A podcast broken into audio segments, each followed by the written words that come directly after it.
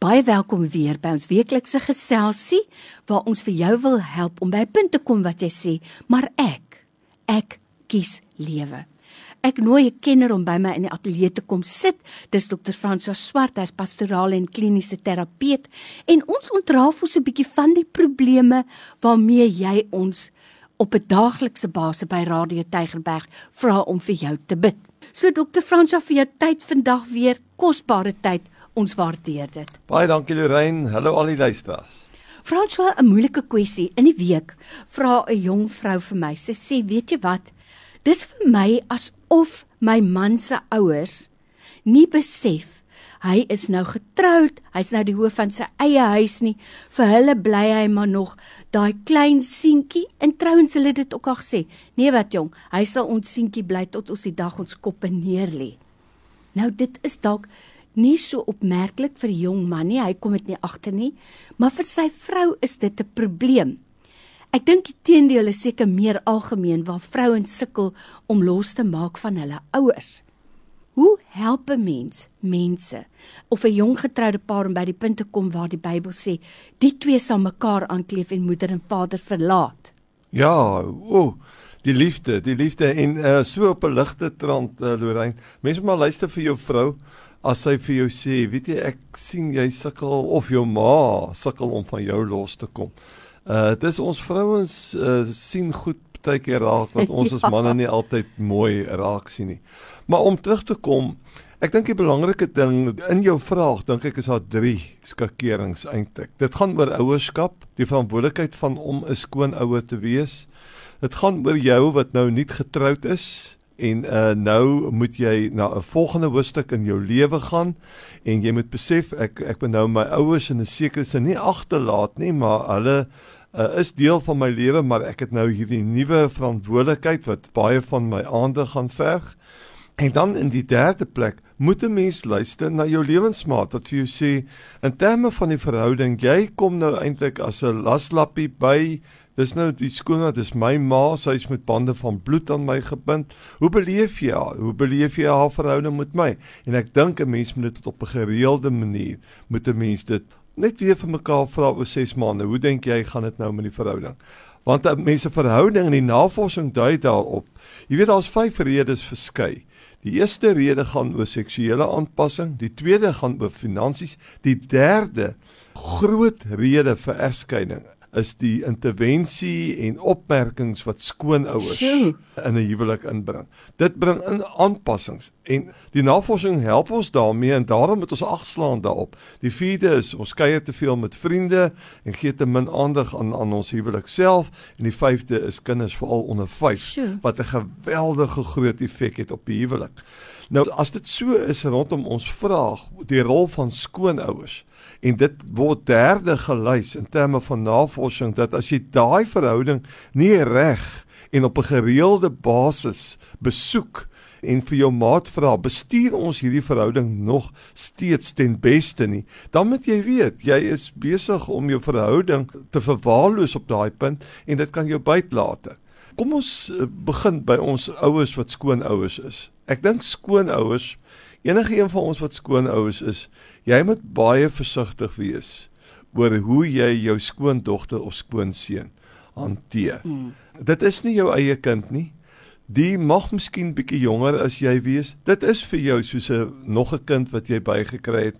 Maar hou maar die afstand, hou die respek. Jy is nie die biologiese ouer van daardie kind nie. En daarom wees ekstra versigtig. Mm rondom jou eie kind is eintlik toe jy die vraag vra wou ek begin lag Lorraine want ek onthou my ma het ook altyd vir my gesê toe ek al diep in die werk was in die 30 het sy vir my altyd sê my ou seentjie en hoe het jou dag nou vandag geloop? En ek weet nie ek het baie keer kwaad geword daaroor uh, en bietjie gaan dink daaroor. Maar ek dink dit is deel van pappa en mamma wees. Jou kind bly altyd maar jou ou seentjie. Dit maak nie saak of hy 55 is nie Uh dit wil eintlik sê van hoe wonderlik dit is om 'n ouer te mag wees en om 'n kind te mag hê. Maar ongelukkig, dit mag daai mamma se gevoel wees, dit land nie goed nie. Hmm. En dit is wat in jou vraag lê. Weet jy jou ma hanteer jou nog soos 'n seentjie en ek het 'n probleem daarmee. En dan lyk dit vir my lê dit op die weg van daai man om na sy ma toe te gaan sê ma Ehm uh, ons kan op ons eie kan ons op 'n sekere manier met mekaar praat, maar ek dink net ons moet mekaar as volwassenes hanteer. Mm. Mamma moet verstaan ek het 'n verantwoordelikheid hier. Ek is nie meer net mamma se seentjie nie, ek het ook 'n opinie en uh dis vir my belangrik dat ek ook in ons interaksie met mekaar dat ons ook in ag sal neem hoe ander mense dit begryp ware woorde wat jy sê, is 'n paar goed wat my opgeval het, jy weet. Die eerste een is die ou mense het mos gesê, waar bloed nie loop nie, kruip dit. Ja. So die belangrike punt wat ek optel hier is, laat die man met sy eie ouers praat of die dogter met haar ouers, nie andersom nie. Dis belangrik. En dan die tweede punt wat jy gemaak het wat ek tussen die lyne gelees het is hierdie is nou 'n man wat die hoof van sy huis moet wees. Hy moet daai plek vol staan, sy vrou moet kan opkyk na hom. Nou dink ek so 'n bietjie van daai glans word afgevee as 'n ouer met die hoof van jou huis praat as my seentjie. Mens moet maar aan hierdie dinge dink, dit is so belangrik. Nou Franso, praktiese woorde wat jy hier het en praktiese raad. Maar ouers dink baie keer hulle doen goed. Iemand het gesê the road to hell is paved with good intentions.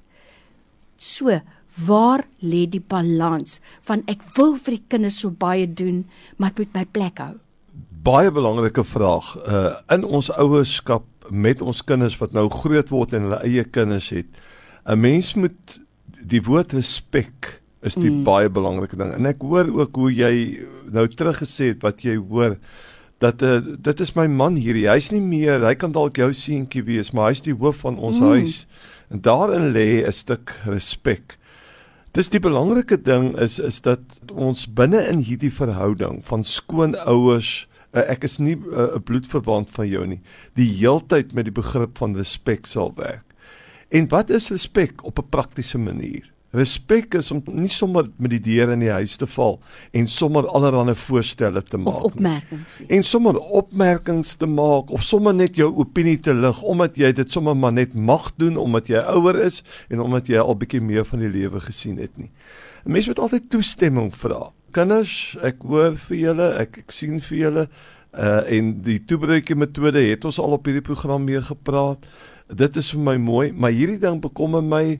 Ek, ek wonder nogal oor hierdie ding, het ek 'n paar idees. Gee hulle om as ek dalk 'n paar idees met julle mm. deel. Vra eers toestemming of jy wel 'n eiertjie mag lê rondom die situasie. Moenie sommer net in hmm. uh, inval nie. Gee jou jou idees en dan sluit weer positief af en sê dink daaroor. Onthou ek dwing dit nie op julle af nie. Dis maar 'n saadjie wat ek probeer saai is my so belangrik Franswa en ook veral waar daar nou later kinders is.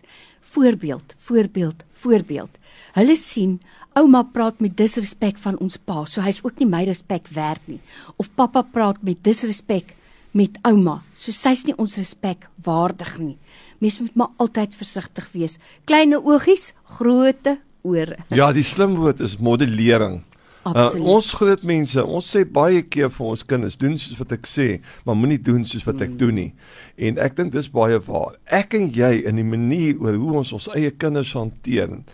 Ek sien hoe oupa met met pappa praat en 'n kind, veral 'n tienerkind, mm, kyk daarna. Mm, mm. Dit het 'n onuitwisbare indruk op hom wat hy dalk vir die res van sy lewe kan onthou wyse woorde vandag weer baie dankie. Dr. François Swart by my in die ateljee kliniese en pastorale terapeut en as die Here ons uitspaar gesels ons volgende week weer verder. Onthou as jy 'n vraag het, stuur my SMS na 32716 kosse rand of 'n Telegram of 'n WhatsApp en onthou om te sê kies lewe en vra jou vraag. Tot volgende week, totsiens.